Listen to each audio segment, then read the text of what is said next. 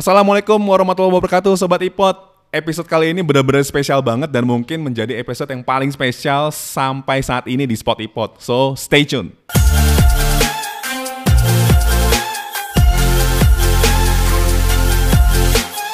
Nah seperti yang gue bilang episode kali ini spesial banget. Kenapa? Karena kali ini yang nemenin gue itu bukan orang sembarangan. Mungkin bisa dibilang salah satu orang yang paling dikenal di NKRI Beliau adalah Bang Raditya Dika Kirain Atta Halilintar yang diundang kayak bukan ya. Makanya gue bilang salah satu. Iya iya iya. Eh, gimana kabar? Baik. Alhamdulillah Lo gimana bang? Kabar yang mana dulu nih? Kalau kabar keluarga baik-baik aja. Kabar portofolio kebakaran. Kebakaran Iya. Berarti berarti bukan gue sama Sobat Ipot doang ya Semuanya kebakaran Bukan, terutama saya juga kebakaran. Tapi lo terlepas dari kabar-kabar apa eh, kebakaran itu, lo sekarang lagi sibuk apa? Sekarang lagi sibuk nungguin istri mau lahiran eh, anak kedua. Oh, congratulations. Sebulan lagi ya? Bulan depan. Bulan depan. bulan depan. Jadi ya mudah-mudahan bulan depan gue udah punya satu orang lagi buat gue jadikan sumber AdSense. Yang sekarang belum cukup ya? Iya, sekarang- kayaknya kayaknya boleh nih bisa jadi income Iya, apa? Iya, buat tambahan. Ada dua. Iya, iya, iya. Cewek cowok? Eh, cowok. Weh, lengkap dong sekarang. Lengkap, cewek sama cowok. Oke. Nah, Bang, kan gue yakin nih eh, investor-investor di Indonesia terutama itu pasti banyak, lumayan banyak lah yang cukup literate lah eh, keuangan. Dia ngerti pasar modal, ngerti saham. Cuma kan nggak banyak yang mau share nih. Ya. Apalagi yang kayak udah pu- public figure yang udah gue udah gue udah bisa eh, udah swag lah hidup gue gitu. Tapi ya udah gue ngapain gue share-share ke orang-orang gitu. Iya. Tapi lu lu sendiri kenapa sih tiba-tiba oke gue tahu dan gue mau share nih ke teman-teman gue ke orang-orang gue bahwa ini lo lo harus invest lo harus punya financial planning. Karena gue ngalamin sendiri, gue terbantu. Eh, dana pendidikan anak gue yang pertama ya, itu sudah terkumpul jauh sebelum eh, gue punya anak itu gitu loh. Bakal gue ngumpulin sebelum gue nikah. Gue nggak tahu teman beranaknya siapa nanti. gue pokoknya gue ngumpulin ya. Jadi waktu itu lucunya eh, ketika gue bikin eh, tabulasinya tuh di Excel kan, dana pendidikan anaknya siapa kan namanya kan. Gue gua kasih nama dana pendidikan kecoa nama anak gue. Jadi karena gua nggak tahu namanya siapa Ah. nanti kan, jadi kecoa aja gue tulis gitu. Oke. Jadi gue ngerasa bahwa hidup gue tuh berubah 100% ketika gue melek investasi. Ketika gue paham bahwa uang gue itu kan ya eh, to be honest ya, duit dari main film, dari bikin malam minggu minggu kan gue jual ke Kompas. Itu kan lumayan gede gitu kan. Kalau gue nggak melek investasi, mungkin gue langsung dengan dengan euforia punya duit segitu banyak pada saat itu, mungkin beli mobil yang paling mahal lah, atau pamer ini pamer itulah gitu. Dan gue mungkin nggak kekumpul dana pensiun gue atau dana pendidikan anak gue gitu. Jadi gue gue bersyukur banget gue melek dari dulu. Nah kenapa enggak gue juga cerita supaya orang lain juga ikutan melek kayak gue, karena hidup gue berubah semenjak gue ngerti investasi. Jadi lo kayak mau share nih lo gue tuh eh, punya pengalaman yang bagus banget dan please lo juga harus meng- mengalami hal yang sama kayak gue gitu ya. Betul, makanya eh, kal gue kan sering banget sharing kan, terutama jawab eh, DM dari eh, followers gitu. Terus banyak juga yang nanya, Bang Radit nggak bikin kelas eh, finansial, nggak bikin. Nah gue berkali-kali bilang bahwa gue ini bukan financial planner, gue bukan profesional di bidangnya, gue emang senang sharing. Jadi itu cara gue untuk menjaga menjaga bias gue juga gitu, bahwa Oke. bahwa gue nggak jualan apa-apa ini. Gue cuman seneng, gue emang sharing sesuai dengan pengalaman gue gitu. Bahkan ketika kita kerja bareng ya dengan Ipot, ya memang gue pengen ngajarin adik gue dan memang itu real terjadi si adik gue ini pengen belajar investasi saham karena semua kakak-kakaknya juga di saham gitu jadilah gue kerja bareng ipot bikin uh, video itu Oke ini menarik nih bang ngomongin soal adik lo ngomongin soal keluarga. Lo sendiri waktu pas dari kecil kan kalau misalnya kan kita kurang lebih seumuran lah ya. Iya gitu ya Zaman-zaman- lu berapa sih umurnya Gue 32. wah masa gue lebih tua gue pikir dia lebih tua anjir serius Muka muka gue menurut lo lebih tua gua siapa emang kelihatannya oh iya makasih lo. makasih lo Dil gue pikir doi lebih tua loh Iya ya. Lo- men- menurut lo umur, umur, umur gue berapa sebenarnya? Gue pikir lo lebih tua dari gue. Tapi nggak nggak exact umurnya berapa? Eh ya mungkin 36. 36 sama lah berarti, kurang iya, lebih Iya, ya. iya, iya. Iya. Beda setahun lah. Nah, kita waktu itu eh, hidup di zaman eh, Saskia sama Giovanni kan. Bim bang yuk kita bang, bang bim yuk kita nabung. Ih, gue baru mau, mau ngomongin itu. Iya, Nah. itu itu pertama kali gue tahu soal nabung tuh dari lagu itu memang. Sama berarti kan. Nah, itu kan kayak kita langsung di di apa ya, didoktrin apaan sih nabung? Kenapa harus nabung? Dulu ada tabana segala macam. Kenapa kita harus eh, nabung-nabung dan akhirnya eh, kita baru tahu sekarang. Nah, lo sendiri di rumah gitu ya di lingkungan rumah di ring satu lo sebenarnya budaya menabung atau budaya financial planning itu seberapa ini sih seberapa kuat? Oke, kita bicara eh, keluarga intinya dulu ya, which is gua nyokap bokap dan adik-adik. Kebetulan memang gua nggak tahu cara ngomongin ini untuk tidak terlihat sombong ya. gue bingung ngomongnya, cuman memang keluarga gue cukup berada lah pada Oke. saat itu. Em, dan dan terus terang waktu itu gua mau apa pun bokap gua beliin pada saat itu. Cuman kebetulan juga gua waktu di buku Intisari itu dulu buku Intisari kan yang yang apa namanya itu eh ya informasi-informasi artikel yang bagus-bagus lah di situ. Gua gua baca pekerjaan yang gajinya paling tinggi lah ada rata-rata pekerjaan gajinya paling tinggi. Lalu pas gue SD itu gue baca pekerjaan yang rata-rata gaji paling tinggi itu termasuk di antaranya adalah akuntan. Akuntan, Ya tipikal kan? banget. Oke. terus, Akuntan. ah, Nah, eh, ketika gue lihat akuntan nih apa gitu. hmm. Terus gue cek, oh ternyata kerjaannya ngitungin duit, eh, masuk jam eh, jam 9, terus pulang jam 5, 9 to 5 dan semua bisa diprediksi kan, cuman keluar masuk keluar masuk doang gitu. Maksudnya nggak di lapangan nggak apa gitu. Nah gue ngerasa cocok banget sebagai orang yang membosankan buat gue pekerjaan jadi akuntan tuh menarik gitu. Baru gue cari tahu lagi apa sih yang diurusin. Oh soal duit, duit itu apa sih? Nah gue jadi belajar sendiri sebenarnya. Jadi kalau kit- kita tadi bicara soal keluarga, secara spesifik keluarga gue nggak pernah ngajarin gue wealth preservation lah misalnya Oke. katakanlah gitu atau soal investasi gitu lah enggak gitu cuman keluarga gue memang em, apa pun yang gue pengen tuh terpenuhi pada saat itu gitu. Oke. cuman gue ngerti sendiri dari eh, baca-baca buku gitu pada saat itu. Jadi kalau keluarga sih mungkin nggak terlalu banyak ngajarin ya eh, secara spesifik soal investasi gitu. Nah cuman kalau adik-adik gue kebetulan karena gue juga udah duluan belajar gue yang ngajarin mereka jadinya sekarang. Oke. Nah, lo waktu itu berarti kan lo pertama eh, tahu dulu tuh accounting dulu kan? Akuntansi eh eh, profesi akuntan profesi dulu. akuntan yang gue nggak tahu nih apa. Gue akhirnya lo cari tahu sendiri. Tahu itu lo umur berapa ya? Oh SD itu. SD, lo udah tahu apa? akuntan? Udah tahu akuntan dan udah pingin jadi akuntan. Gila. Jadi cita-cita gue kalau ditanya tuh mau jadi akuntan. Hanya karena di Intisari itu dibilang gajinya termasuk yang cukup tinggi dan pekerjaannya gue banget. Yaitu adalah datang jam 9 pulang jam 5. Gue suka banget semua yang bisa ditebak. Oke. Jadi jadi gue orangnya semembosankan itu. Makanya gue cocok jadi investor saham ya. karena karena karena gue tipikal yang oh ya udah oh ya udah gitu oh naik oh turun tapi gue lama gue berani gitu. Oke. Berarti lo kalau pas eh, SD dulu kan lo suka apa? eh, dulu kan zaman-zaman ngisi biodata gitu kan, nama Ya. Raditya Dika, Ya. hobi gini cerita. Lo udah tulis akuntan tuh. Cita-cita akuntan. Cita-cita akuntan. Ada dua sebenarnya cita-cita gue. Satu akuntan, satu lagi jadi penulis karena pada saat itu gue eh, suka banget baca lupus. Oke. Nah, sebagaimana lazimnya orang yang suka membaca, pada akhirnya gue jadi ikutan suka menulis gitu. Jadi cita-cita gue sih sebenarnya dua yang di back of my head ya. Cuman eh, pilihan-pilihan eh, pada saat itu gue lebih kalau harus milih gitu, gue mungkin akan lebih ke akuntansi gitu. Eh, pas pada saat itu. Pada saat itu, pas masih SD itu. Oke, tapi gue jadi jadi eh, ini sih jadi penasaran. Lo sekarang nih di posisi yang sekarang, lo lebih suka dikenal sebagai apa sih? Gua, nah gue juga bingung ngomongnya tuh. Hah. Gua lebih suka dikenal sebagai apa ya?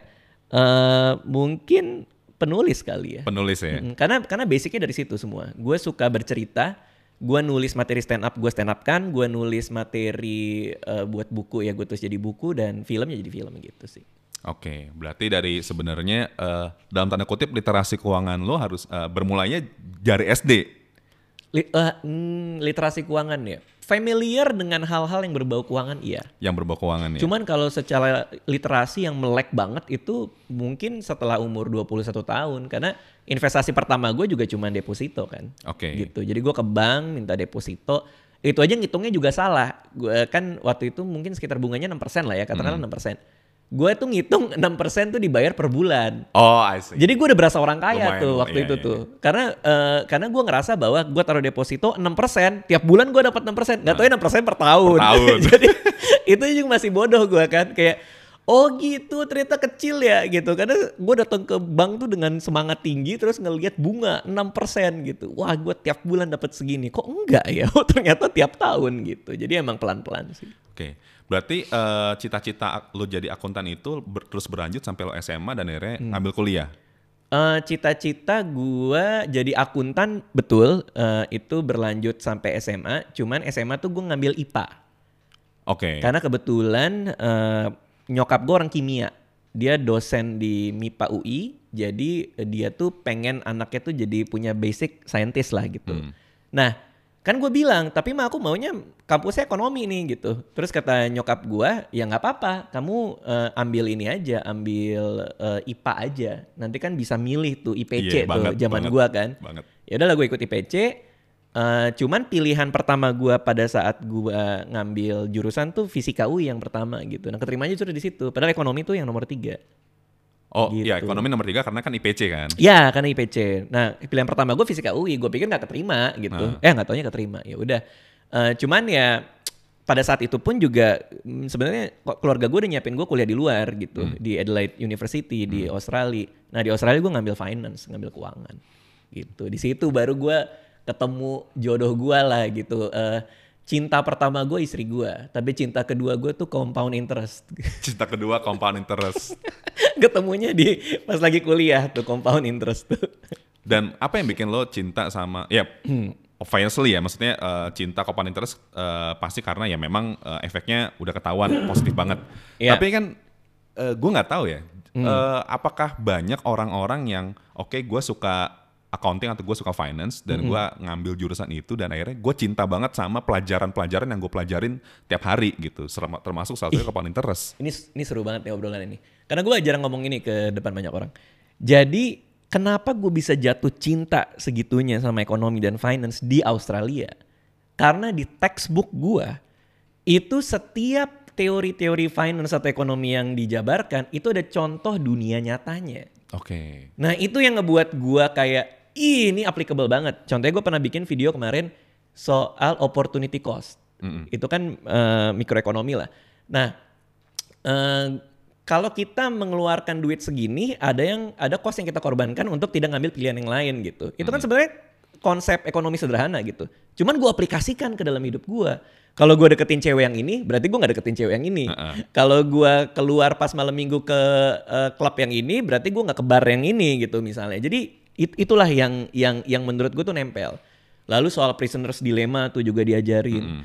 Eh, soal dasar-dasar keuangan yang menurut gue applicable dalam diri gue bahwa eh, konsep keuangan itu adalah semua tuh eh, ada batasnya gitu loh. Jadi tiap-tiap keputusan ekonomi itu pasti ada yang eh, kita hilangkan untuk mendapatkan sesuatu yang lain. Itu gue dapat banget gitu. Dan Soal pemasaran juga. Dan contoh-contohnya juga eh, selalu di, dikatin sama contoh real case-nya. Iya di, di textbook Di gue ya. Oh jadi gue seneng banget tuh. Kalau di teks gue lupa lagi judul textbooknya apa.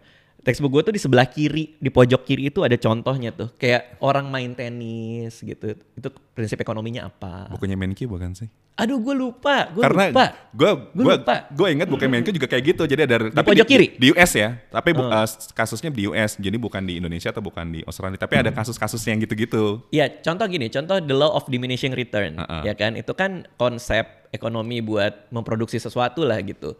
Eh, itu dijabarkan dengan makan es krim gitu. Kalau misalnya lu makan es krim yang pertama, Banget. Gua ingat itu, seneng ingat banget gua ingat gitu, ya kan? Uh-uh, es krim es krim. pertama lu seneng banget gitu. Begitu es krim kedua, kok nggak seenak yang pertama. Begitu es krim ketiga, oh kok lebih nggak eh, lebih nggak enak lagi gitu. Uh-uh. Eh, es krim keempat malah kenyang gitu, malah malah jadi nggak pengen gitu. Jadi itu konsep yang ditawarkan dalam textbook gua itu buat gue jadi masuk banget bahwa ilmu yang gua pelajari itu applicable di dalam hidup gua dan itu kenapa gue cinta banget sama ekonomi gitu. Oke. Sorry, itu berarti ketika lo masuk eh, di Adelaide Hmm. Uh-uh. itu umur berarti belum 21 ya?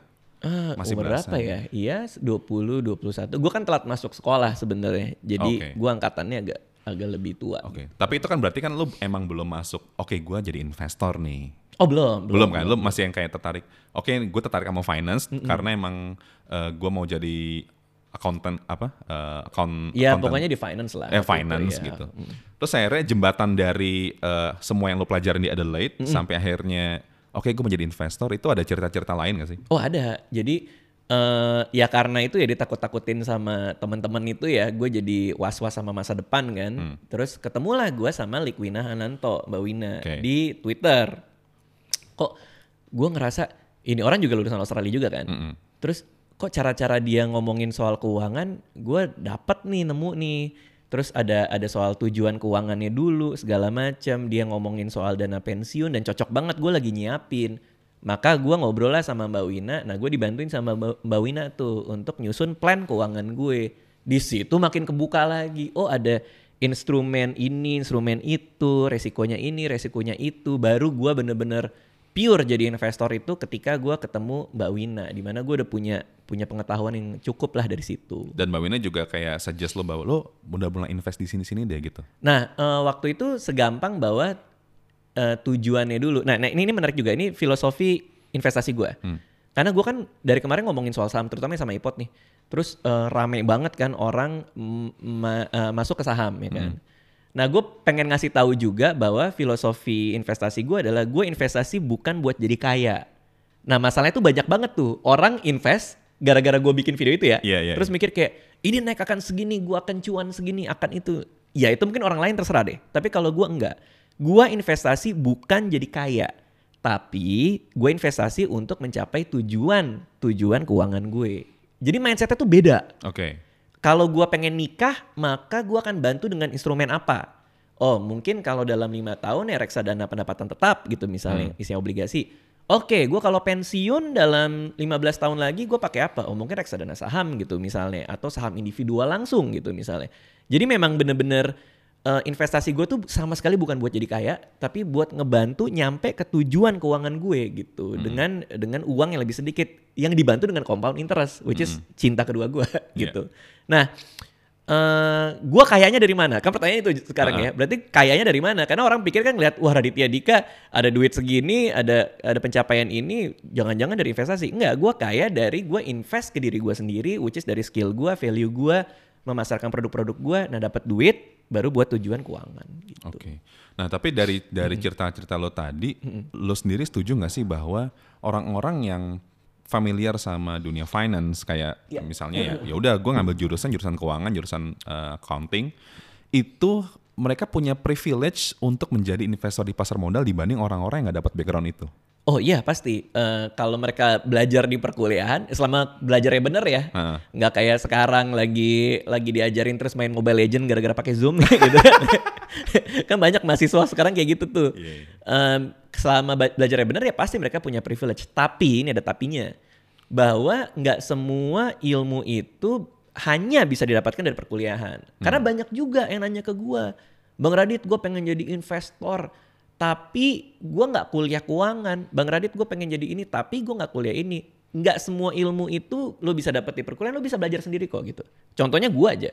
Gue ini sutradara film. Padahal kuliah film sama sekali nggak pernah. Mm-mm. ketika gue jualan malam minggu Miko ke Kompas Heeh. dan gue salaman sama Kompas dan Kompas bilang iya Kompas nggak tahu. Gue nggak punya PH nggak punya pengalaman apa apa jadi gue cuman ngemeng doang Kebetulan produknya bagus gitu Kemudian ya. produknya bagus. Terus dia dia beli malam minggu Miko tanpa tahu bahwa gue nggak punya PH kan? Karena dia salaman sama gue baiklah PH-nya Raditya Dika yang akan produksi. Iya keluar dari ruangan meeting gue nggak punya PH nih. Gimana cara bikin perusahaan ya? Tapi gue ya ya aja kan? Akhirnya gue partneran sama PH dikasih tim produksi yang proper.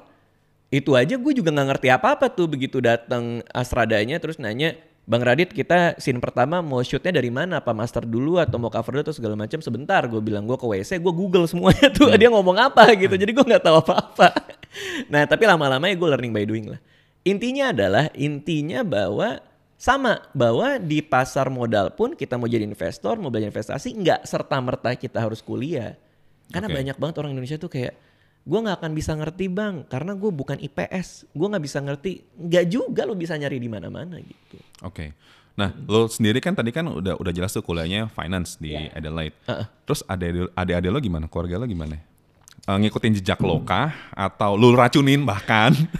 Ah, adik-adik gue eh, semuanya lulusan ekonomi kecuali yang terakhir masih kuliah di geografi UI cuman kalau adik gue yang langsung dia S2-nya di manajemen UI Eh, terus adik gue yang gue punya adik kembar Hmm. di bawahnya dia langsung itu dua-duanya dari Queensland eh, masing-masing marketing dan ilmu ekonomi. Jadi memang semuanya rata-rata di keuangan. Ilmu ekonominya di Queensland atau di Iya di eh di Brisbane tuh di mana Queensland ya? eh, Brisbane ya. Ya di situ ya. Itulah. Oh, Australia lah pokoknya. Ya di Australia betul. ya karena program twinningnya UI itu loh. Oh, Eh, oke. tahu kan yang double degree itu Yang ya. double degree dia dua tahun di UI, dua tahun di luar Oh, gitu. Iya, nah iya. itu adik gue. Rata-rata mereka semua kerja di, yang satu di Deloitte bahkan Oke. di Deloitte. Jadi memang Accounting memang eh, eh, memang memang nyambung lah. Jadi gua kalau misalnya lagi ngobrol sama adik-adik gua kerjaannya ngomongin eh, perusahaannya dia, Hmm. eh, kondisi market kayak gimana gitu segala macam. Kadang-kadang su- suka di-share juga info-infonya. Nah, adik gua si Edgar itu yang paling roaming kan karena dia geografi. Geografi. kan. Sementara di line grup kita itu isinya ngomongin misalnya saham lah. Ah. Katakanlah bang aku mau beli ini eh, rencananya buat ini segala macam. Iya deh gini-gini yang satu nim, nim- apa nimpalin. Hmm. Eh, aku dap dapat eh, info bahwa nanti akan begini-begini segala macam. Edgar yang diem. itu yang paling kecil kan dia paling Iya, bungsu dia nggak tahu apa-apa gitu. Nah dia mau ngajak ngomong apa kan geografi? Masa dia mau bilang e, nih bang negara ini di peta Ibu luasnya segini. ibu kotanya ini. kan nggak nyambung kan sama kita kan. Ah. jadi ya udahlah. Terakhir gue nanya dia dia lagi lagi kerjanya meneliti batu ya Nah, kan nah jadi Geogra- oh ya geografi ada ada ada ya, geologinya, yang ada tanah- ada ininya geologinya. juga, ada ada ada mata kuliahnya juga kayaknya. Nah, kan gue juga nggak ngerti ya. Ditanya bang batu ini bagus ya apa? Mana gue tahu. Kalau ditanya perusahaan ini kayak gimana, gue bisa bantu kali gitu. Oke, berarti eh, adik-adik lo yang kecuali Edgar ya. Kecuali Edgar. Mereka punya kayak perjalanan yang sama, terus eh, satu frekuensi yang sama, sehingga mereka juga jadi investor juga ya. Ya, nah ini menarik nih, ini menarik juga. Em, gua gua kan ada keluarga sendiri kan sekarang setelah gue menikah kan. Terus ada Anissa, which is istri gua gitu. Di satu yang sisi gue juga punya keluarga eh, gua keluarga inti gua yaitu ada adik gua. Kita ambil aja satu lah, mungkin adik gua Yudita gitu. Eh, adik gue yang paling gede perempuan. Ya. Nah, ini lucunya nih. Anissa itu ada tujuan keuangan jangka panjang Oke. dan dia punya reksadana saham untuk Oke. mencapai tujuan itu, Oke. ya kan. Di satu sisi yang lain si Yudita eh, punyanya saham individual untuk Hmm. eh, untuk rencana jangka panjangnya dia gitu. Si Anissa nggak mau punya saham individual karena dia bilang dia nggak pede. Dia bilang kayak aku nggak yakin aku cukup ngerti, aku nggak yakin aku cukup punya waktu buat meneliti, aku nggak yakin aku punya cukup keberanian melihat dia naik turun sedemikian rupa, jadi aku reksadana saham aja. Oke. Di satu yang sisi, si Yudita adek gue bilang, ngapain bang aku taruh di reksadana, aku bayar expense eh, di rasionya itu, manajemen fee-nya itu tiap tahun, mending aku nyusun sendiri gitu ya. Tapi di satu sisi yang lain, si Anissa nggak apa-apa aku bayar manajemen fee. Toh aku membayar dia untuk menggantikan dengan waktu aku tidak mikirin saham gitu. Nah gue ngelihat sebuah dikotomi yang menarik banget gitu antara antara satu orang dengan satu orang yang lain punya instrumen investasi pilihan mereka sendiri asalkan mereka tahu kenapa mereka memilih itu. Nah itu yang kadang-kadang kalau kita bikin misalnya kemarin kita bikin sama Ipot ya eh, berbahaya, mending reksadana aja gitu. Tapi nanti kalau gua ngomongin reksadana, oh ngapain mendingan saham aja, nggak nggak bisa serta merta gitu gitu sih. Itu yang gue melihat dari keluarga gua. Nah bang, lo tadi eh, sempat cerita terkait perjalanan investasi lo. Ya. Kebetulan beberapa dari sobat ipot nih udah banyak banget nih yang nanya nih dari Iya. kemarin nih. Gue Iya. bacain satu-satu ya. Oke. Ini ada dari Mas Noval ZMB. Oke. Mas Noval nanya, kenapa Bang Radit lebih memilih invest di pasar modal daripada lainnya? Ya karena untuk mencapai tujuan keuangan gua cocoknya di situ gitu. Dan gua contohnya kalau kenapa nggak properti lah katakanlah Hmm. gitu ya. Karena pertama gua orangnya mager, harus ngeliatin propertinya. Eh, katakanlah kos-kosan lah gitu ya. Misalnya Yeah. gue bikin kos-kosan dapat income dari situ. Belum lagi gua harus ngelihat tenannya kayak gimana, belum lagi nagihinnya. Jadi gue sebagai orang yang mager paling cocok memang di pasar modal. Jadi emang nggak semua orang cocok di misalnya di properti atau sebaliknya ya nggak Atau nggak- sebaliknya. atau sebaliknya cocok di pasar modal. Atau kalian sukanya memang di properti ya silakan gitu. Karena karena memang seneng gitu ngurusinnya. Kalau gua terus terang lebih seneng yang gua nggak terlalu ribet sih kalau gua gitu. Hmm, yang penting investasi ya. Ya kalau gua kayak gitu. Oke. Terus ada lagi nih yang nanya dari Mbak Gita Marindra. Nah tadi kan Bang, Dik- eh, Bang Radit kan eh, sempat singgung dana pensiun tuh. Siapa buat dana pensiun. Uh-uh. Nah ini Mbak Gita ini nanya, cara Bang Dika memilih saham The Ones sebagai kendaraan pensiun. Oke, ini kita bicara saham individual berarti ya. Eh, dia sih ngomongnya the ones kayaknya kumpulan ya atau nggak tahu sih dia Oke ngomongnya oke. the ones. Kalau kalau kumpulan berarti kan konteksnya reksadana saham gitu ya. Oh, mungkin ya. Ya kalau kalau reksadana saham ya lihat MI-nya, track recordnya kayak gimana, termasuk eh, top 10 atau top 20 nggak, AUM-nya berapa, eh, historical return-nya kayak gimana. Kalau gue sih itu. Tapi kalau konteksnya itu di eh, saham individual, kalau gue pribadi di saham individual itu memang khusus untuk value investing aja gitu. Oke. Jadi gue cuman nyari perusahaan yang bagus tapi harganya murah. Nah itu ya kita bisa bisa sampai panjang ngomongin segala macam rasionya ya. Mm-mm. Cuman kalau gue yang gampang aja nih ya, yang gampang aja eh, median PE-nya berapa, nanti gue lihat pada saat itu dia di bawah atau tidak, atau PBR-nya juga gitu, eh PBV-nya juga. Oke, ini ngomongin value investing menarik nih karena ada ada juga yang nanya dari Mbak Aas eh, underscore Nur Aisyah. Dia nanya, Bang, kalau lo mau beli saham, lo ngelakuin analisis fundamental dan analisis teknikal nggak sih? Fundamental udah pasti. Fundamental udah pasti. Kalau kalau teknikal gue hampir nggak pernah, jujur. Oke. Karena memang horizon gue jangka panjang banget. Jadi perubahan dalam eh, waktu dekat maupun eh, dalam waktu yang sangat dekat itu gue nggak terlalu mikirin kalau gue. Jadi kalau gue beli eh, saham, jadi horizon gue tuh udah mungkin lima tahun ke atas, bisa 10-15 tahun gitu. Jadi gue siap untuk jangka panjang. Nah, eh, dan gue juga rutin. Jadi kalau udah punya saham pilihan, gue akan rutin setiap bulan gue akan taruh di situ. Sehingga gue ya istilahnya dollar dollar cost averaging lah gitu ya. Jadi jadi kalau dia mahal gue belinya dikit, kalau dia murah gue belinya banyak secara otomatis gitu. Jadi gue nggak terlalu mikirin itu. Boleh di-share nggak sih Bang, dollar cost averaging itu konsepnya tuh kayak gimana? sih? Konsepnya adalah ya dengan rutin membeli produk investasi tanpa peduli dia mahal atau murah eh, dengan harapan bahwa secara rata-rata dia harga rata-ratanya akan naik. Kira-kira kayak gitulah. Jadi kayak investasi berkala lah gitu ya. Hmm, itu cocok buat gua dan ini yang gue lakukan dari zaman 15 tahun 15 tahun yang lalu dengan reksadana. Eh, gua bisa bisa nggak bisa ngerjain yang lain tanpa mikir dia lagi naik atau turun. Karena tahu-tahu secara rata-rata dia akan naik aja gitu. Oke.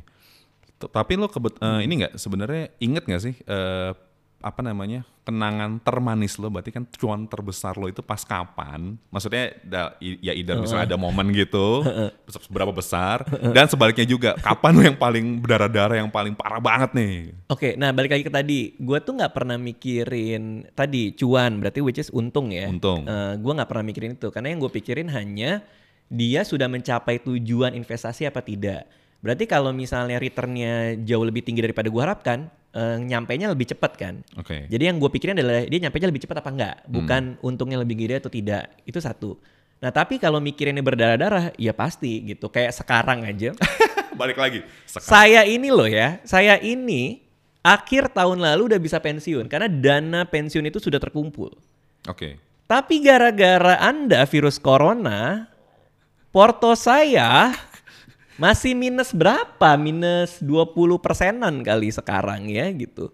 Jadi ya ya jadi harus mundur lagi gitu, harus sabar lagi nungguin nungguin dia recover atau ya kayak sekarang gua pelan-pelan nambah terus gitu. Berarti bisa dibilang ini yang paling parah lah ya pas covid ini. Ya. Betul sekali Anda corona. Kenapa Anda tidak pergi-pergi? Camkan itu corona. Iya. Dan kalau lihat padahal kalau kita lihat pasar modal Amerika ya, dia malah sempat turun di Maret, sekarang lagi all time high lagi tinggi-tingginya walaupun sempat agak turun juga gitu kan. Nah kenapa kita enggak ya? Coba tolong dong boleh nggak sih kita ngikutin Amerika? Gue nggak terlalu ngerti ya kenapa ya, cuman bolehlah kita coba kayak gitu ya. Lo pas yang 2008 gitu kena gak sih? Kena juga, kena, Kena juga, juga? kena juga. Cuman, eh, nah karena gue pernah ngalamin 2008, Oke. jadi gue pede untuk menghadapi yang sekarang. Karena gue inget banget dulu kan gue masih masih beli itu di sebuah bank lah. Ada ada satu bank ya mungkin orang pada tahu lah pada saat itu yang paling gampang buat dapat reksadana gitu. Kalau yang lain kan harus jadi prioritas dulu lah apa Iya. segala macam gitu.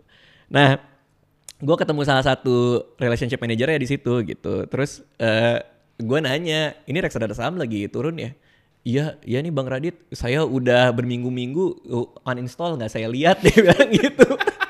ini RM-nya aja juga udah sampai kayak gitu kan. Berarti emang kondisinya parah banget gitu kan. Cuman ya kalau gua karena gua diajarin sekali lagi sama Mbak Wina gitu kan eh, fluktuasi jangka pendek mungkin gak terlalu ngaruh karena reksadana saham kan horizonnya jangka panjang. Jadi ya gua malah nyantai aja, nyantai tetap dengan DCA gua, dollar cost averaging gua, gua taruh lagi, taruh lagi, taruh lagi.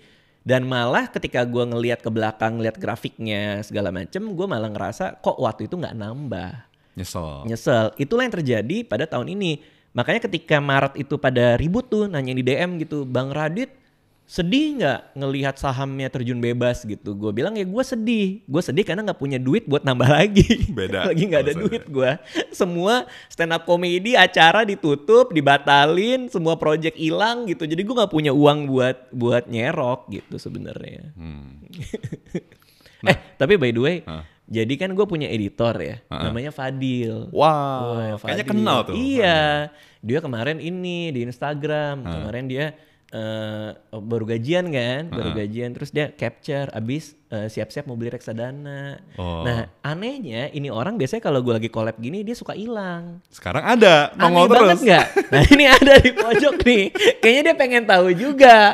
Iya, lu kenapa di sini? Lu pengen tahu kan sebenarnya kan? Tuh, lu mau nanya apa? Dia baru beli reksadana nih kayaknya nih. Weh. Bener kan? Oh, tapi baru daftar. Oke, lu mau nanya apa? Ya deh. Hah? Ya kan lu pasti mau beli kan? Berarti kan sudah ada pertanyaan dong. Apa? Apa? Mau nanya sukuk. Mau nanya sukuk, nanya sukuk. Ya udah Mas, jelasin deh sukuk. Itu surat utang lah ya, istilahnya gampangnya gitu ya. Ya, tapi Hmm. lebih lebih tepatnya sukuk itu kan kalau misalnya obligasi kan pengakuan utang.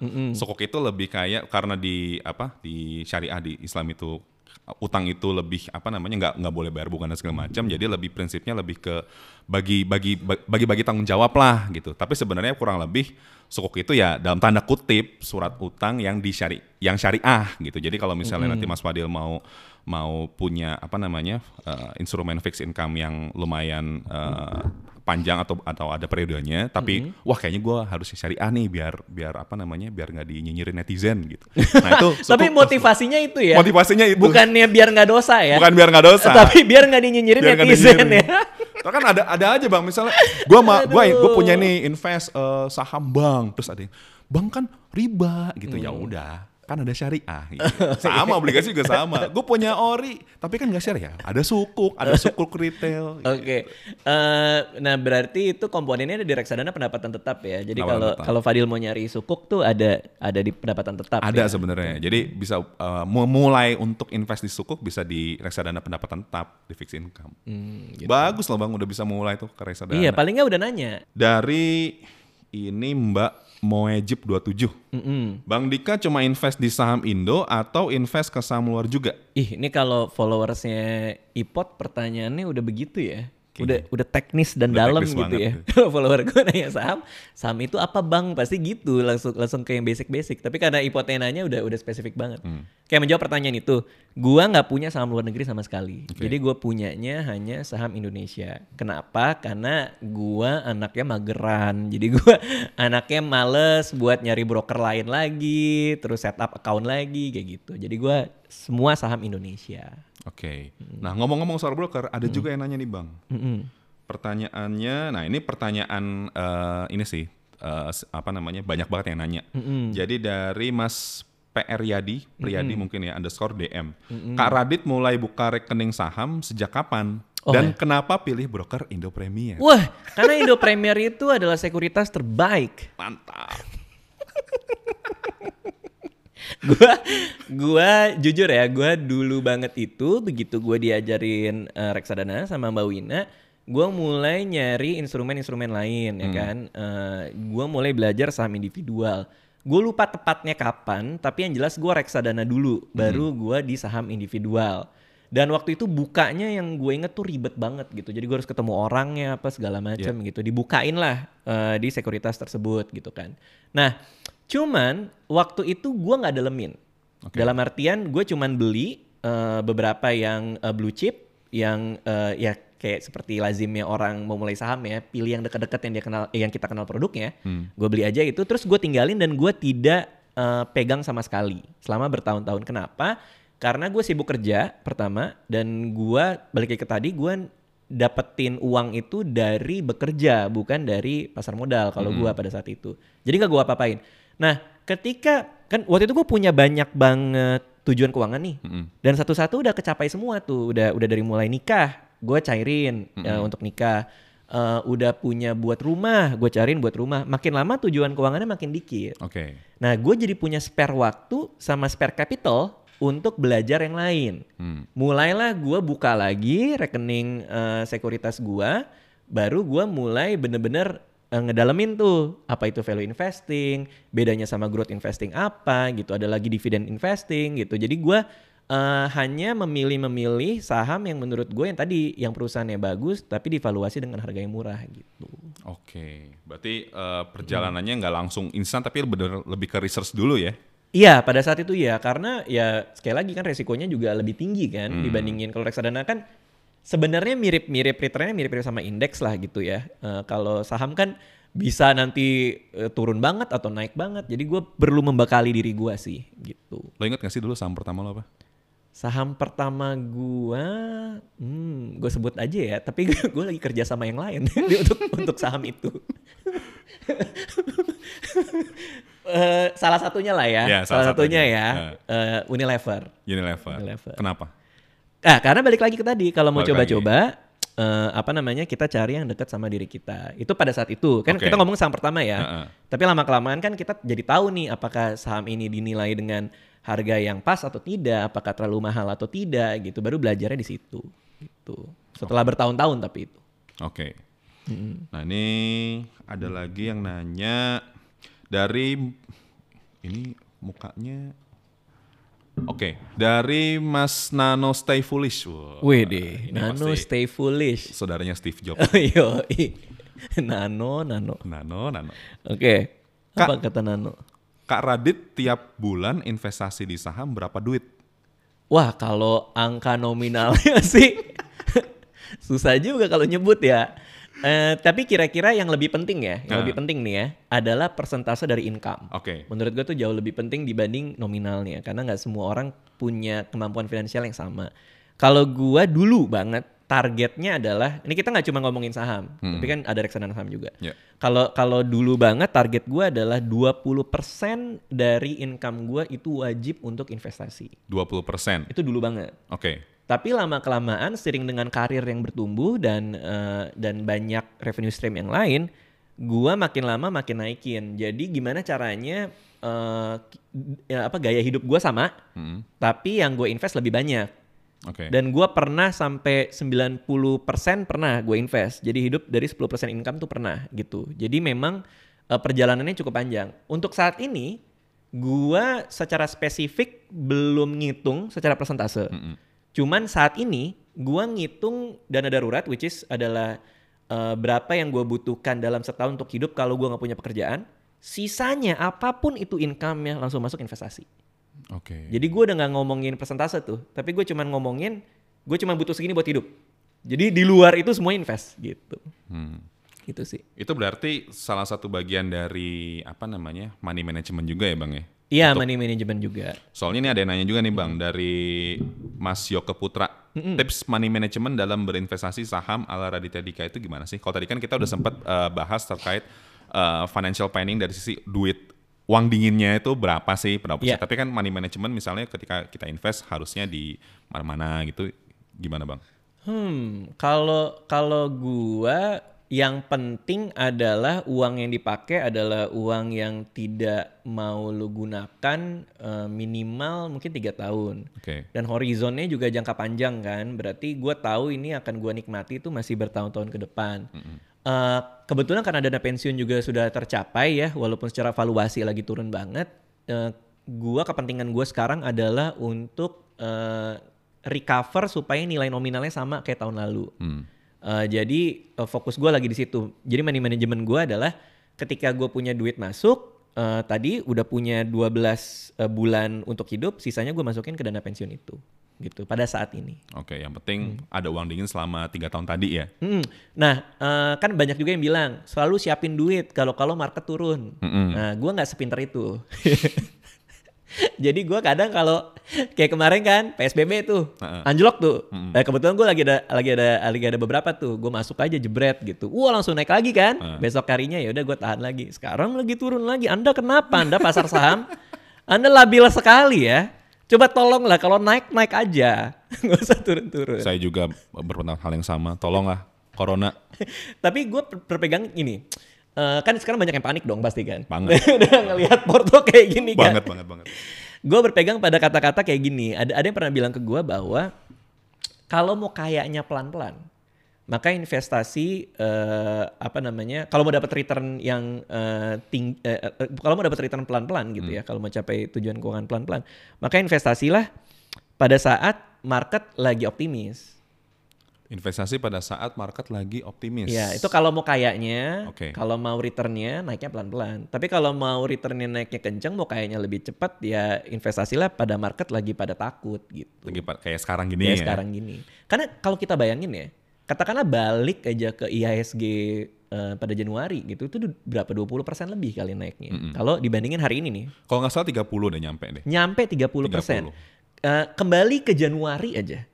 Itu 30% kan. Ya ya berarti ya eh, kita punya kemungkinan untuk nambah wealth sebanyak 30% kan gitu. Ya kayak pas eh, 2008 kan kalau nggak salah Hmm. dulu kita turun 2008 itu 56 persen ISG. Oke, turunnya segitu. Turunnya segitu, Hmm. tahun depannya langsung naik 80 persen.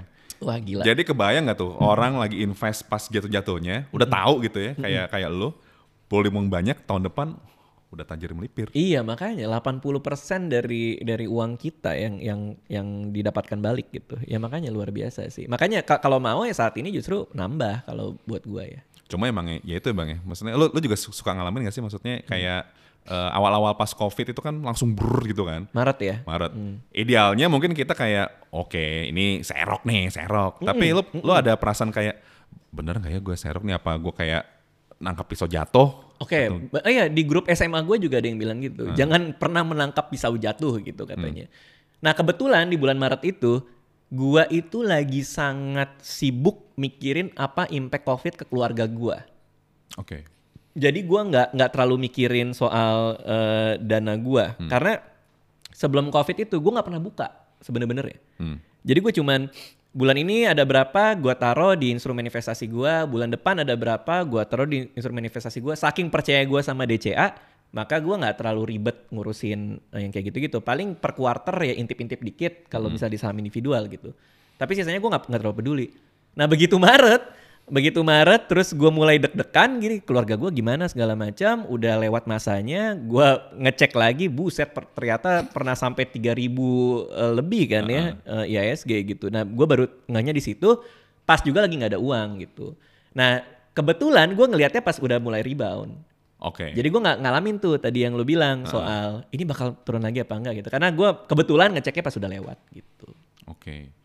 Soalnya kan banyak banget nih bang, eh, kayak misalnya, wah secara teori, i- gini deh, even secara teori orang banyak yang salah salah sangka atau salah perhitungan bahwa oke gue invest, terus ket- ketika corona datang, covid datang, dia butuh duit, dia jual-jualin tuh. aduh iya iya iya, iya. I- ada dua dua golongan kan, yang ngerti bahwa uang dingin harus yang dipakai, ada lagi yang nggak ngerti sama sekali gitu.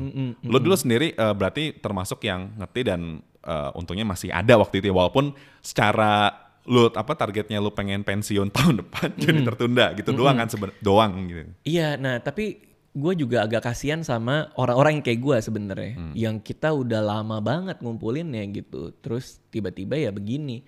Kalau kita lihat aja mungkin eh, kalau ada yang invest dari lima tahun yang lalu dengan angka yang sekarang sama aja, which is berarti kan duitnya nggak tumbuh juga gitu kan. Jadi gue kasihan justru orang yang eh, horizon investasinya tuh mungkin perlunya saat ini. Nah itu pasti bingung banget dan harus bergantung sama eh, dana darurat. Sekali lagi makanya dana darurat itu penting gitu. Karena ketika lo butuh investasi lo dan ternyata kondisi lagi kayak gini ya ya nggak perlu dicairin gitu sih. Cuman ya jangan sampai kita ikut-ikutan panik itu yang susah juga tuh.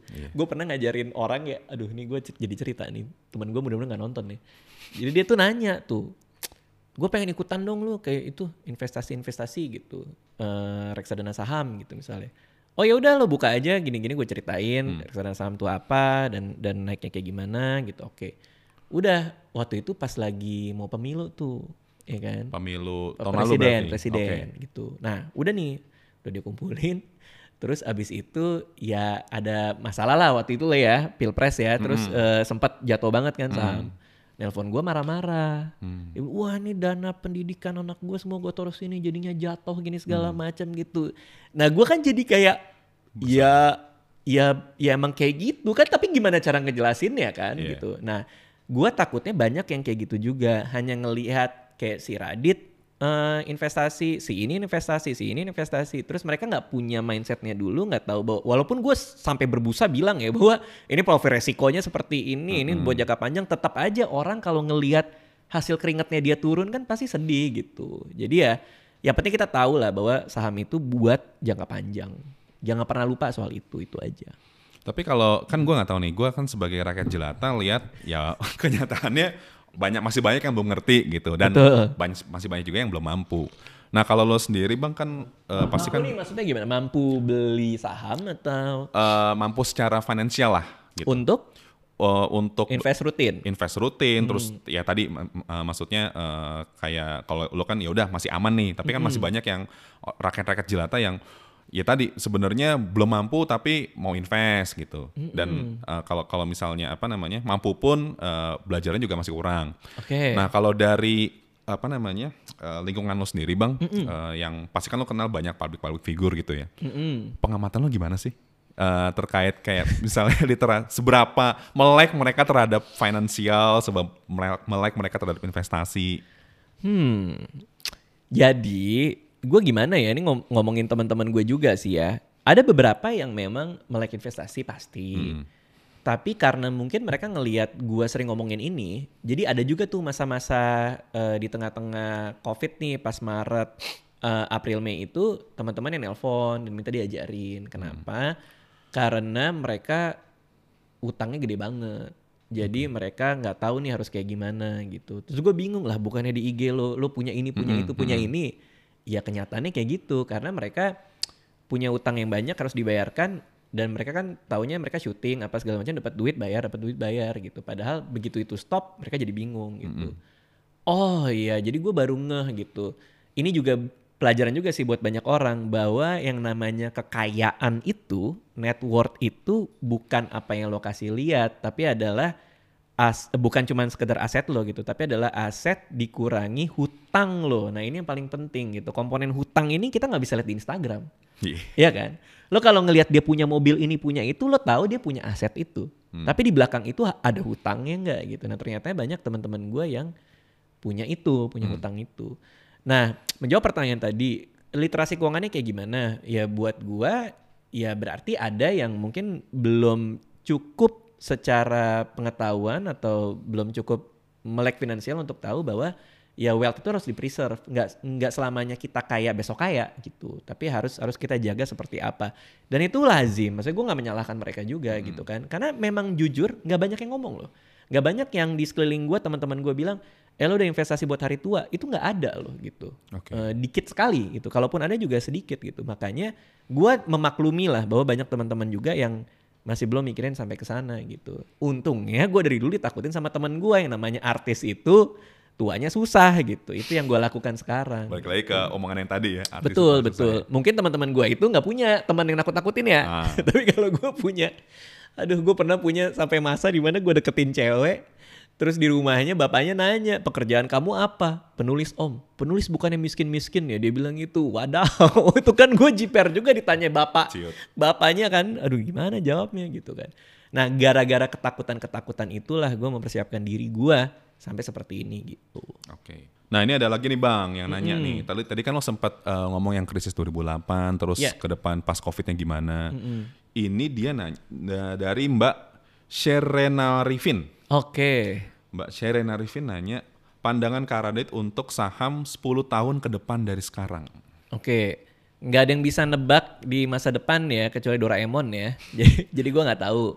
Tapi harapan, kalau kita bisa ngomongin harapan, harapannya ya pasti eh, harga saham akan makin tinggi karena jumlah investor saham juga makin tinggi, ekonomi kita juga makin baik. Eh, segampang bahwa jumlah penduduk makin besar, berarti saham-saham yang gue punya nih yang gue pegang, yang beli produknya juga makin banyak, revenue-nya makin naik. Gitu Se- segampang itu aja sih. Jadi gue selalu percaya eh, untuk 10 tahun gue pasti udah sangat-sangat berbinar-binar ngelihat harga-harga saham yang gue pegang sekarang gitu. Oke. Ini ngomongin 10 tahun ke depan tadi kan lebih kayak eh, harapan portofolio, Bang. Mm-mm. Lo sendiri 10 tahun ke depan bayangannya seperti apa? Anak gue udah 11, Wih, udah bisa buat kesebelasan ya? udah punya YouTube channel sendiri, Masing-masing. Gen Raditya. Gen Raditya. Tapi ya enggak lah. Eh gua berharap 10 tahun ke depan gua kalau boleh jujur ya, gua boleh jujur tuh gu- gua umur 40 tahun udah mau pensiun. Jadi 40 tahun gitu gua udah mau lebih nyantai dalam menyikapi pekerjaan dan hidup gua. Jadi ya pasti gua lagi lagi santai-santainya sih 10 tahun kemudian sih menurut gua. Sambil ngelihat anak gua tumbuh gede aja gitu. Dan udah mulai belajar investasi. Anak gua. Iya. Iya, anak gua. anak gua berarti 10 tahun lagi umur 11 tahun ya. Tapi Warren Buffett tuh 11 tahun punya saham. Iya. Iya kan? Umur 11 tahun. Jadi mudah-mudahan anak gua mau belajar juga 11 tahun. Biar jadi the next Warren Buffett ya. Iya, next Warren Buffett. Nah, untuk menjadi next Warren Buffett kan pastinya butuh belajar, Bang. Ini ada yang nanya nih, bagus nih pertanyaannya. Jarang-jarang soalnya. Dari, benar. Wah ini apa namanya? Avatarnya masjid, jadi gua nggak tahu nih cewek apa cowok. Oke. Dari Mas atau Mbak Aifoze. Mm-mm. Bang Dika, rekomendasi buku tentang saham yang bagus, Bang?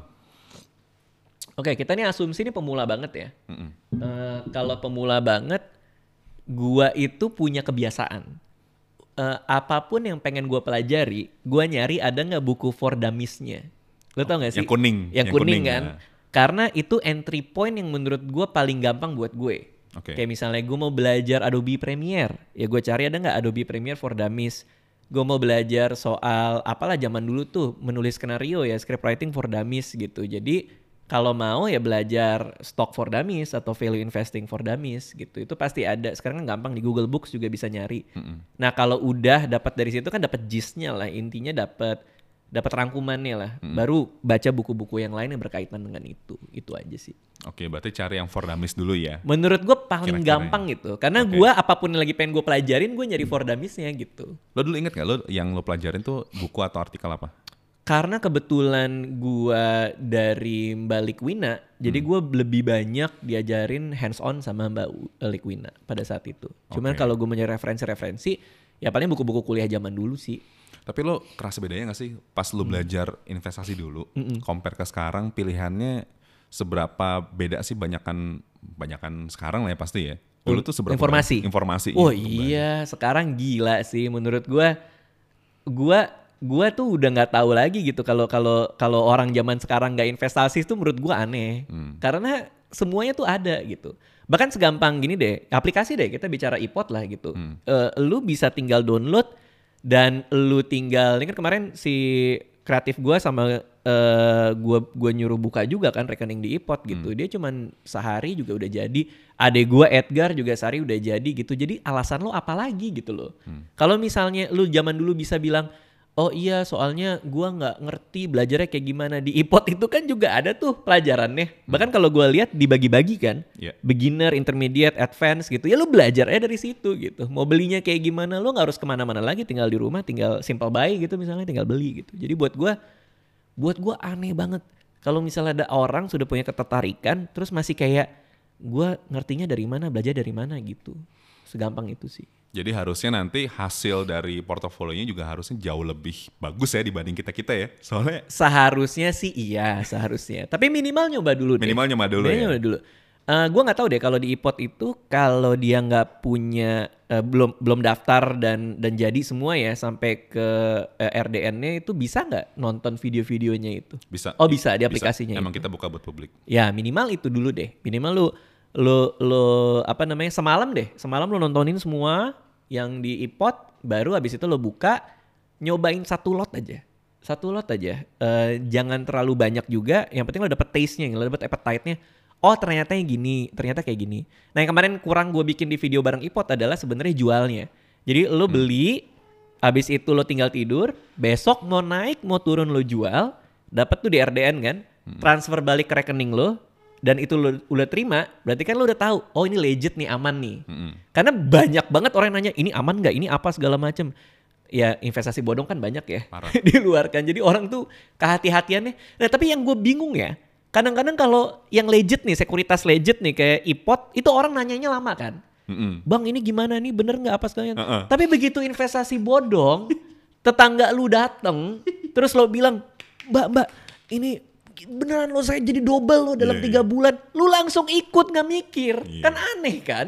Itu buat gua aneh banget orang Indonesia gitu loh. Yang satu udah di udah udah udah udah umurnya udah panjang banget. Eh, Indo Premier udah berapa ya? Dari 2002, kita udah Ya, 18. du- du- 2002 gitu. Sama tetangga lu baru bikin yang apalah itu duit jadi berganda-ganda gitu loh. Ya itulah maksud gua eh, jangan sampai kita terjebak juga gitu. Ya, jadi ini bagus banget nih Mbak, Mbak Ma- atau Mas Aifoze Hmm. udah mau mulai mau baca buku. Jadi eh, sobat ipot yang lain, contohnya kayak gini ya gitu. Jangan nanya, bang saham yang bagus apa nih? Bang gimana caranya dapat kayak karena gue dulu pernah pernah kayak gitu bang. Gue ingat pas Hmm. di Idea Fest 2017 itu kan ada sesi keuangan. Hmm. Oh, ada, Terus, mm. eh, sesi keuangan. Nah, gue gue datang sebagai peserta. Itu tuh ada tiga narsum lah gitu. Hmm. Eh, yang satu ngajarin eh, reksadana, satu ngajarin eh, invest- reksada- eh, reksadana juga, satu lagi ngajarin eh, crypto, cryptocurrency. Oke. yang kripto. yang per- yang dua pertama itu eh, oke bagus gitu, jelasnya Hmm. benar benar benar. Yang ketiga bagus juga, tapi pas sesi tanya jawab orang pada nanya yang ketiga. Pertanyaan pertama nih. Hmm. Pak, gimana caranya eh, apa namanya saya mau eh, modal eh, sedikit cepat air- eh, kemudian dapat return 20 juta. Makasih. Hmm, iya itu dia. Itu kan eh, salah satu jualannya yang bodoh-bodoh kan kayak gitu kan. Mungkin Oke. itu juga yang yang mempengaruhi mem- mempengaruhi orang juga gak sih, Bang? Iya, kalau gua gampangnya gini. Gua udah punya set sendiri return ex- eh, yang gue expected berapa dari investasi gua. Gua paling mentok 20%. Kalau kalau oke banget 30% lah, katakan 30%.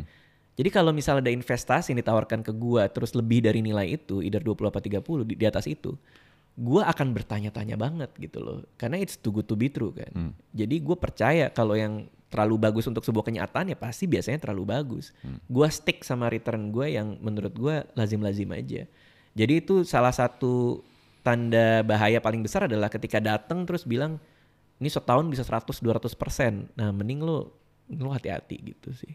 Oke. Hmm, Jadi ya- yang paling yang paling penting juga adalah untuk untuk tahu ini barangnya apa. Itu kadang-kadang juga juga orang juga harus harus ngerti ya ketika dia mau invest banyak banget di saham, saham itu apa sih? Segampang itu dulu aja gitu. Takutnya jangan ikut-ikutan juga gitu sih. Cuma lihat angkanya doang ya. Heeh. Nah ini juga yang yang makanya gue senang kemarin gue bikin video sama Ipot juga. Edgar adik gue kan beli saham tuh eh, ICBP tuh waktu itu dia beli ICBP. Terus begitu dia beli Langsung. langsung turun kan. Terus gue mampus mang enak gar mang enak gitu. Ya karena memang harus dikasih lihat bahwa nggak selamanya yang baik-baik aja. Kayak gue terbuka banget gue bilang porto gue merah merona dan berdarah-darah gitu. Ya nggak apa-apa itu bagian dari lu punya saham gitu loh. Nah gue takutnya banyak banget karena kita ingin orang berinvestasi yang dijual malah ketika kita naikin grafik ya grafik yang naik-naik aja gitu. Tapi kenyataannya nggak seindah itu juga gitu. Oke, ini ilmu bagus banget nih. Jadi Hmm. walaupun sobat Ipo tahu nih betapa indahnya kalau lo bisa invest, tapi lo tetap harus ingat bahwa ada risiko, ada opportunity cost juga yang tadi lo Betul, bilang, betul. yang harus ditanggung sebelum lo memutuskan untuk invest. Jadi kalau misalnya harusnya nanti harganya turun, ya lo jangan kaget atau jangan marah-marah banget. Iya, Karena itulah iya. costnya salah satunya. Betul, betul, betul, betul. Nah ini kita lanjut ke pertanyaan selanjutnya dari siapa nih? Bentar ya. Oh ini juga lumayan bagus nih. Dari Mbak Eliza Tantra Halim. Oke. Bang Radit pernah eh Bang Radit pernah bilang kalau company bisa kirim kita uang per bulan. Cara tahu company itu kasih fasilitas itu gimana sih? Nggak ngerti, maksudnya apa tuh? Mungkin maksudnya dividen. Dividen kali ya, oke. Oh maksudnya dividen. Mungkin mungkin mungkin. Oh iya iya iya iya. iya. Oke dividen kali ya. Ya itu bagi hasil usaha dari eh, si perusahaannya gitu dan nggak tiap bulan juga kan. Ada yang sekali setahun, ada yang dua kali, ada yang tiba-tiba nggak bagi kan juga ada. Nah, gue bingung cara menjelaskannya apa ya. Tapi di di video bareng Ipot tuh ada tuh yang sama Mas Rifan juga itu dijelaskan dividen tuh apa gitu. Nah ada beberapa temen gue juga yang dia lebih ke dividen investing. Eh, jadi dia cari cari saham yang bagi dividen terus sengaja diutak atik tuh supaya minimal paling nggak sebulan sekali dapat dividen gitu atau nggak Oke. lengkap sebulan juga nggak apa-apa gitu. Nah itu menarik juga gitu. Jadi mungkin kalau teman kita yang nanya eh, pengen coba dengan gaya itu eh, investasi saham tapi yang dicari dividennya supaya nanti bisa dapat passive income dari sana ya boleh aja dan banyak juga sih cara belajarnya gitu tinggal dicari aja Oke, tinggal dicari aja ya Mbak. Jadi eh, Hmm. tadi mungkin nih yang yang kita tangkap, eh, jadi company kirim uang itu bukan kayak misi, assalamualaikum ini kasih orang enggak, tapi lebih kayak Iya. bagi-bagi eh, apa Iya. namanya pendapatan dari company itu, emiten perusahaan tercatat ke Iya. dia. Gue kaget juga kalau misalnya gue lagi di rumah tiba-tiba ketok-ketok siapa tuh ICBP, wah datang ngasih duit. siapa tuh UNVR ngasih duit. Ini duit kamu bulan ini Radit. Wah terima kasih. ya, ya nggak gitu sih ya. Mungkin ya tapi ya eh, itu pertanyaan lazim sih. Mungkin orang orang eh, susah ya dengan dengan saham itu kan bahasanya lumayan berat ya. Ada yang capital gain lah, ada Iya. dividen lah. Ya pelan-pelan kita rangkai. Makanya gue seneng kalau gue ngomong tuh coba gue sederhanakan supaya orang awam juga juga paham maksudnya gitu sih. Oke. Nah ini kayaknya nih pertanyaan yang paling berbobot nih Bang. Wih deh mantap. Dari Mas Biki underscore AC. Mas Biki AC, Anda jualan AC? Kayaknya gitu. Atau atau nama Anda ada AC-nya? Bang Radit dulu pakai kacamata kok sekarang enggak? Oh itu penting banget Penting ya. banget. Itu penting, banget Penting ya. banget. Itu penting banget ya. Eh gue dulu di lasik, gue operasi mata. Oke. Gitu. Jadi gue bisa ngeliat transparan sekarang. Ini kalau kameramen nih, SpongeBob, gue tahu. Ada SpongeBobnya. SpongeBob kan juga pakai cana, transparan juga. ternyata. transparan juga. Tapi ya penting banget ya Anda di di di iPod ini di podcast iPod ini nanya soal kacamata. Ini ada opportunity cost-nya loh. Ketika Anda bertanya itu, ada pertanyaan lain lebih berfaedah yang bisa Anda tanyakan dan dijawab loh. Lu dulu tahun berapa Bang Lasik? Gua tahun berapa ya? 2009, 2010. 2009. Kenapa harus ditanya juga ya? Coba Anda yang memulai ya. Jadi kita Makasih. membuang semenit lagi loh untuk ngomongin soal asik loh. Karena ini penting banget. Ci. Waduh. Iya iya iya. Nah bang, eh, rencana lo selanjutnya gimana nih? Kan waktu itu gue juga dengar dari Mbak Vita juga, katanya lo mau bikin stand up sendiri. Itu yang Hmm. Di- sendiri? Hmm. Eh, itu yang dimaksud eh, SUCRD atau beda lagi sih? Oh iya iya iya. Eh, gua sih ada rencana bikin show stand up comedy lagi. Oke. Cuman nunggu semuanya beres, pandemi ini lewat gitu. Tapi bahwa selama pandemi ini banyak keresahan yang terjadi, ya iya gue udah ngumpulin dan udah jadi materi hampir satu jam lah eh, yang siap buat gue bikinin kan, eh, bikinkan show gitu. Jadi ini semuanya nunggu pandemi kelar dulu ya? Kalau gue iya maunya iya. Eh, sahabat gue si Panji sih mau bikin show di Makassar dalam waktu dekat, tapi gue kayaknya nggak berani gitu. Itu gue juga eh, dili- apa dili- dilema gue pengen nonton yang komodo. Oh iya si Panji punya kan. Kalau nggak salah Desember kan? Yang di Istora Desember. Desember yang, Heeh. gedenya. Cuman yang baru itu di Makassar. Gue jujur gue nungguin dia sih. Gue ngeliat eh, kemarin gue baru bikin podcast juga sama dia. Gue nanyain protokol kesehatannya dia. Gue nanyain Hmm. berbagai macam hal gitu. Jadi ya gue lagi nungguin itu sebenarnya. Oke, gue juga bang, bang Panji, tolong dikasih kejelasan karena gue pengen nonton juga. iya kayak gitu. Oke, bang ini eh, mungkin last statement kali bang ya. Oke oke. Buat sobat ipot nih yang either baru mulai atau misalnya udah mulai terus masih galau, lu punya ada ini nggak sih punya eh, nasihat atau kata-kata bijak dari seorang Raditya Dika? Oke, Kak, kalau buat gue nih kita ngomongin konteks saham individual aja deh ya. Eh, karena kita bikin video juga waktu itu sama Edgar itu. Buat gue yang paling gampang adalah mulai aja dulu. It's very simple. Lo tinggal lihat video gue yang gue udah bikinin di channel gue. Itu gampang banget bikinnya. Dan mulai beli satu lot dulu nggak usah terlalu bergairah, terlalu ngerasa keren, tiba-tiba tiba-tiba oh gini cara belinya, tiba-tiba seribu lot ya. Jual rumah, nggak dulu, jangan dulu. Beli satu dulu, rasain dulu eh, gini ternyata cara belinya, gini ternyata cara jualnya, mekanismenya jual dan beli itu kayak apa. Baru pelan-pelan belajar kalau misalnya mau invest lebih banyak lagi, pelajarin perusahaan seperti apa yang kita beli dan apa saja yang harus kita lihat di laporan keuangannya. Jadi semakin gede duit yang kita taruh, semakin gede pengetahuan yang harus kita punya. Jadi jangan sampai gara-gara lu punya satu saham nih, gara-gara nyoba-nyoba satu lot, terus tiba-tiba naik kan, tiba-tiba dana asing masuk ya kan, tiba-tiba naik berapa persen, jadi lo tambah lagi tanpa tahu sebenarnya perusahaan yang lagi kita coba-coba ini kondisi keuangannya kayak gimana gitu. Gue selalu gue selalu advocate untuk nyobain untuk nyari yang paling dekat dengan diri lo, tapi gue juga advocate kalau mau beli lebih banyak pengetahuannya juga harus lebih banyak. Oke, gila-gila. Wah, ini benar-benar nggak kerasa loh udah sejam lebih loh. Seru seru seru seru. Gue ah gue gue gini uh, bang, gue sebagai uh, seorang yang mencintai dunia kreatif, Ya. yang termasuk salah uh, satu ya apa namanya pe- penonton setia malam minggu Miko, gue Ya. thank you banget sih. Pertama, thank you banget buat karya-karya lo, dan thank you banget lo sebagai public figure juga punya punya kesadaran untuk kayaknya gue harus harus apa namanya? Harus cerita. harus cerita kayak gini biar uh, para pengikut lo yang tentunya pasti banyak banget yang masih awam juga mulai sadar. Dan itu kan udah mulai terbukti nih. Sejak sejak video kita muncul tuh banyak banget yang nanya-nanya. Dan kita happy banget bukan karena apa-apa tapi lebih karena aware gitu. Karena Iya. gue sendiri juga pas awal juga gitu bang. Gue uh, pas tahu kayak lo ngalamin hal yang sama gue kayaknya gue gue harus edukasi nih gitu. Betul, betul, karena betul, kalau enggak ya siapa siapa lagi gitu kan Iya, karena kan desas-desusnya banyak kan. Saham itu judi lah, saham ini apalah itu kan.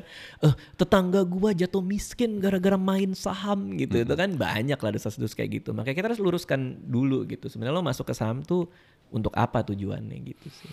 Iya. So thank you banget Bang Radit sekali lagi untuk karya-karya dan tentunya thank you banget untuk waktunya Siap. di Spotify kita sangat eh, terbantukan dan sangat eh, terhibur juga. Siap, siap, siap, siap. Ya sobat Ipot juga tentunya eh, semoga nih kontennya bermanfaat ya semoga ya. Ya, mudah-mudahan. Mudah-mudahan bermanfaat.